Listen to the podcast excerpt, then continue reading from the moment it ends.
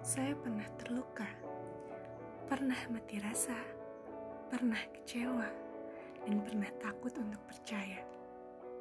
Namun satu waktu saya membuka kembali pintu agar perlahan ketakutan itu hilang. Hingga saya dapat percaya kembali. Tetapi lagi dan lagi ulah manusia mematahkan semuanya.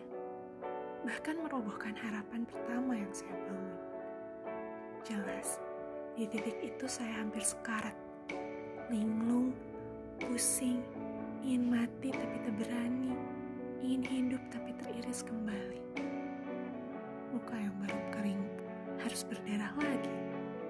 Tak ada yang berani membasuhnya. Saya biarkan goresan ini, entah menjadi kering atau bahkan busuk dimakan semut.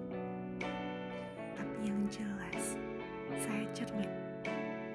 Bahagia di tetap dirinya sendiri, walaupun harus terbelah